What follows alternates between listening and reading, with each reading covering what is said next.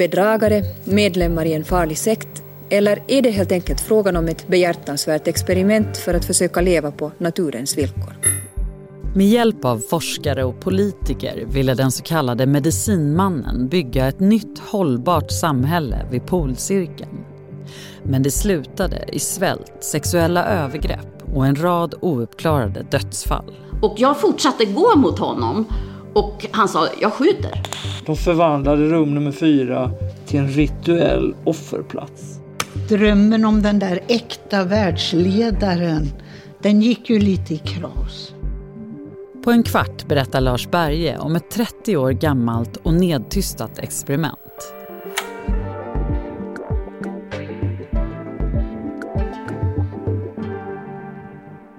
Det är måndag den 2 augusti. Jag heter Annie Reuterskiöld. Det här är dagens story. Lars Berge är återkommande skribent i Svenska Dagbladet och har nu gjort poddserien Medicinmannen. Det är en dokumentär i fem delar om en man som kommer till Sverige på 90-talet och får en hängiven följarskara i Norden. Berätta, vad är det du har nystat upp här? Det här är ju berättelsen om, om en medicinman. En man som dyker upp i Sverige eh, våren 91 eh, iklädd eh, fjäderskrud, mockasiner och han hävdar att han kommer från Mikkmackstammen. Han dyker först upp i Stockholm och där träffar han en, eh, en person som erbjuder honom att eh, bo utanför hans gård i skogen i Ångermanland. Eh, så medicinmannen upprättar ett läger där helt enkelt och eh, tar dit sina följare och de är väl ett 40-50-tal från Europa som följer med honom dit och sen lockar han även till sig men en grupp svenskar också som, som följer honom ut i skogen helt enkelt för att starta ett nytt samhälle. Ett helt hållbart samhälle i harmoni med naturen. Men det blir eh, raka motsatsen till harmoni till slut. Du har hittat flera dödsfall som har någon typ av koppling till eh, den här historien, eller hur? Ja men precis, de stannar i Sverige ungefär eh, ett halvår och sen så beger de sig plötsligt norrut. Det här är ju liksom en nomadiserande stam. De korsar gränsen mot Finland och slår sig ner i närheten av polcirkeln i finska Lappland där de då ska starta det här utopiska hållbara samhället som han kallar Gaialand. Det går ju inte så bra helt enkelt utan eh, de här människorna blir mer och mer isolerade och det här utopiska samhället kommer ju mer och mer att påminna om någon slags fångläger egentligen. Ju längre tiden går så eh, far människor väldigt illa och två av dödsfallen eh, med kopplingar till den här sekten som det då är eh, uppmärksammades i svenska medier vid tiden. De dödsfallen det handlar om är ett, ett märkligt knivdåd på ett vandrarhem i Tornio som sker under rituella former. Och sen är det då en man som dyker upp på Skellefteå lasarett ett par år senare och helt enkelt har svultit ihjäl.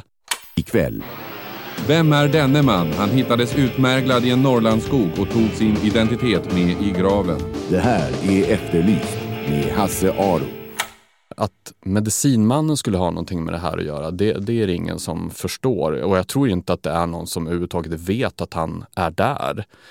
Och ett dödsfall som inte uppmärksammas alls, det är ett litet barn som dör eh, i det här lägret. Så eh, folk for väldigt illa, de levde isolerade, de svalt och eh, blev utsatta för alla möjliga former av eh, övergrepp också. Han, han verkar ha haft många regler, bland annat att man inte ska ha elektricitet och man ska bo i de här tälten. Men själv bor han i en stuga lite längre bort och, och käkar fast food. Eh, vem är han egentligen? Ja, det är ju en fråga som jag har ägnat nu ett år åt att försöka ta reda på. Och ska jag vara ärlig så vet jag fortfarande inte riktigt. Men vi vet att han inte alls tillhör Mikkmackstammen utan är en, en här, vit man av europeisk härkomst som låtsas tillhöra urbefolkningen. Of course I'm a wild Indian. Under arbetet får Lars Berge tag i ett äktenskapsbevis som visar att medicinmannen, eller man som han ofta kallas, egentligen heter Pierre Maltais. Han är fransk-kanadensare och katolik, en vit man med europeisk härkomst som kom i kontakt med Mi'kmaq-stammen under sin tid i scouterna. All Indians are not red.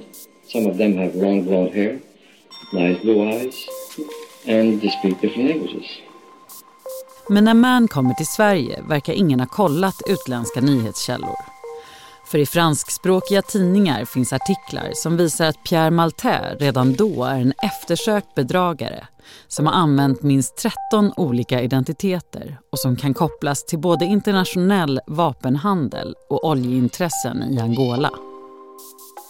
Men du har pratat med flera av dem som var med. Eh, hur har det varit för dem att tänka tillbaka på den här tiden?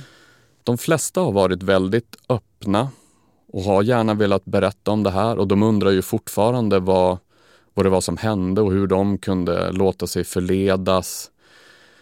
Eh, sen finns det andra exempel på människor som inte alls har velat prata med mig som har varit rädda. För de, de menar att det här nätverket eller den här rörelsen eller sekten fortfarande finns kvar ute i världen. Så de, de vågar inte prata.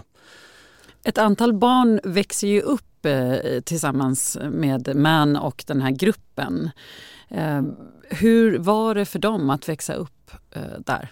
Det beror nog lite på vi har pratat med en eh, svensk eh, flicka, en som, som, vars mamma anslöt sig till rörelsen. Hon hade ju sin mamma där och hon beskriver ju en, en tillvaro som är full av utmaningar och, och så vidare men som, som ganska, ganska spännande ändå, eller som ganska eh, intressant. Men sen fanns det ju även andra barn som hade fötts in i den här rörelsen och beroende då på Mans idéer kring hur en familj ska fundera helt enkelt inte visste vilka deras riktiga föräldrar var. I vissa fall var inte föräldrarna ens där utan de följde med den här rörelsen. Liksom barn i mellan fyra och, och liksom tolv upp till tonåren. We didn't know who were our, our parents. We have maybe 12 father and 12 mother, but we didn't know which was the really mother. Det är nog det som har berört mig mest, alltså tanken på de barnen som inte har valt det här själva utan bara hamnar i det här experimentet som det är och far väldigt illa. För han experimenterar verkligen med människor. Du beskriver ju där i serien hur män och kvinnor ska leva åtskilda men att han eh, har någon slags ritual där han befruktar eh, kvinnor. Vittnena säger att befruktningen enligt Mann handlar om att nedkalla gamla själar som ska återfödas som nya människor. Männen får en efter en sticka in sina penisar genom en öppning i tältet där Mann befinner sig. Ja, han hade någon idé att det var, på det sättet skulle de kunna nedkalla gamla själar på något vis. Eh, men i själva verket känns det ju bara som att det var en, ja men, bara någon slags perverterad idé kring sex och fortplantning. Och det är ju då inte alla som har varit med om det här eh, utan det var ju bara något som folk har vittnat om förekom. I Sverige försöker medicinmannen knyta kontakter vid Miljöpartiets riksdagskansli men misslyckas när en medarbetare snabbt fattar misstankar och rörelsen flyttar vidare till Finland. Utåt sett är Medicinmannens framtidssamhälle ett tvärvetenskapligt forskningsprojekt. Ett samarbete mellan hans eget så kallade livsuniversitet, en fasadverksamhet, och universiteten i Helsingfors och Uleåborg. Projektet stöds också av riksdagsledamöter för Miljöpartiets finska systerparti De gröna. Men svälten i lägret, de sexuella övergreppen mot unga tonårspojkar och bedrägerierna blir aldrig kända utanför rörelsen. Och kopplingarna till de mystiska dödsfallen i Finland reds aldrig ut. Det har varit lite som att kliva ner i ett kaninhål. Alltså Man, medicinmannen, byggde ju en värld, alltså den bygger ju helt på lögner, konspirationer, fantastiska idéer, fejkvetenskap, fake folklore. Alltså det är ju en, en, en väldigt fascinerande värld. Och sen när man börjar nysta i det där så, så, bör, så genomskådar man den, den ena lögnen efter den andra. Man hör historier som man eh, måste få bekräfta från olika håll. Så det, var det, det har varit en, liksom en labyrintisk eh, upplevelse kan man säga. Och lite detektivarbete, eller hur? För Absolut. I ett avsnitt så, så tar du kontakt med, eh, eller du gör en unik intervju med en av gärningsmännen för det som då kom att kallas ritualmordet i eh, Tornio. Polismännen knackar på. Inget händer. Till slut låser föreståndarinnan upp dörren. Och där inne, mitt på golvet, står en man med armarna korslagda över bröstet. Han stirrar rakt ut genom ett fönster som står öppet mot vägen utanför. Han är naken. När vi inledde det här projektet så fick vi ett tips av en kollega på tidningen som var eh, bekant med killen som blev dödad. Och han tyckte men ni borde kolla upp där. Och vi, vi gjorde det. Vi började nysta i det där. Och det var så vi fick nys om rörelsen, de här människorna som bodde i skogen. Och, det, och enligt medieuppgifter på den tiden så verkade det inte som att de hade särskilt mycket med det här att göra alls utan det, verk, det framställdes mer som en olycklig slump. Så eh, jag och, och Adam Svanell, min producent, vi blev ju mer intresserade. Vilka är de här människorna? Vad skulle de göra? Och vem är deras ledare? Det var så vi började utforska eh, det spåret istället. Men när vi hade jobbat ja, men i ett halvår och förstod vem den här medicinmannen var och vad han var kapabel att göra och hans manipulativa förmåga och hans ja, men irrläror så började vi tänka på det där äh, så kallade ritualmordet igen och frågade oss, kan det verkligen vara så att han inte hade något med det här att göra?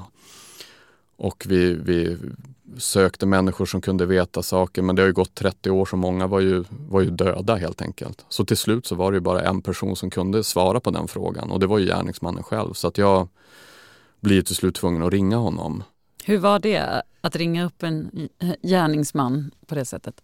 Ja, det var ju jättekonstigt med tanke på att jag visste, hade ju ingen aning om vad den här eh, nyheten att jag ville ställa frågor om det här, något som antagligen då har förföljt honom i 30 år, vad, vad, hur han skulle reagera på det. Så jag var ju till en början livrädd att han bara skulle lägga på. Jag ringer dig för att eh, jag undrar om du kan hjälpa mig att reda ut en grej som vi håller på att undersöka som handlar om en grej som ägde rum i Tornio för 30 år sedan. Vet du vad jag pratar om då? Eh, ja. Men det visade sig att han, enligt honom, enligt hans berättelse så var han så djupt influerad av medicinmannen och hans läror att han, ja, han beskriver det helt enkelt som att han inte har kontroll över sin egen kropp. Han förstår fortfarande inte vad det var som hände. Så det är ju en, en jättemärklig historia. Det, det är svårt att, att, förstå vad det där var. Han hade ju också vid den tiden rätt allvarliga psykiska problem. Men exakt vad det var som hände i det där motellrummet, det, det får vi nog aldrig riktigt veta. Vad har hänt med medicinmannen sen, sen allt det här hände? Det blev ju ett visst rabalder där i Finland till slut och de blev utvisade därifrån och då flyttade rörelsen ner till Italien och eh, då jag ska inte avslöja för mycket men eh, eh, där faller allt samman kan man säga. Eh, och eh, Man, som han kallas, medicinmannen, återvänder till sitt hemland Kanada. Det dröjer ett tag och sen framkommer uppgifter om eh, övergrepp mot barn. Det blir rättssak och han flyr på nytt. Den här gången till Nicaragua som inte då har utlämningsavtal till Kanada.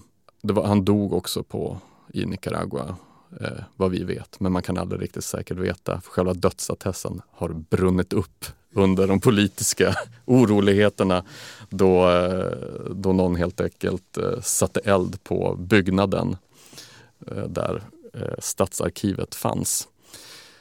Men, men det här är en 30 år gammal historia. Och ändå så känner du att den talar väldigt starkt till dig och dina funderingar kring eh, världen nu. Eh, berätta om det. Jag är som alla andra väldigt oroad över det här med klimatförändringarna och eh, den globala uppvärmningen såklart. Hur, man, hur det här ska lösas. Eh, men det är nästan så att jag känner mig ännu mer oroad över vilka konsekvenserna kommer att bli när vi till sist bestämmer oss för att lösa den här frågan. Vilka liksom fri och rättigheter är vi beredda att ge upp för att rädda jorden? så att säga. Jag tycker det ur ett filosofiskt perspektiv är väldigt spännande. Det har ju visat sig tidigare i historien eh, att vi inför stora, eller tanken på stora ekologiska katastrofer så kan människan hitta på ganska skrämmande saker helt enkelt. Och här har vi ju faktiskt ett antal människor som verkligen försökte skapa ett nytt samhälle. De gjorde ju det som alla andra bara pratade om kring middagsbordet. De, de vände vår civilisation ryggen och skulle starta något nytt. Och det visade sig då vara betydligt mer problematiskt än vad man kanske föreställer sig. Eh, och det gör ju att det här experimentet då, det var ju meningen att det skulle handla om hur man skulle, skulle kunna eh, utveckla nya jordbruksmetoder liksom så för att överleva eh, på det som naturen gav. Men det, de slutsatser man i verkligheten kan dra kanske handlar mer om det. Hur går det till när, man, när ett nytt samhälle ska startas? Hur, hur, hur fungerar vi människor i, när vi är utsatta, isolerade och liksom har elementen emot oss? Eh, och det har ju varit väldigt spännande med den här historien tycker jag. Tack Lars Berge för att du kom hit. Tack själv.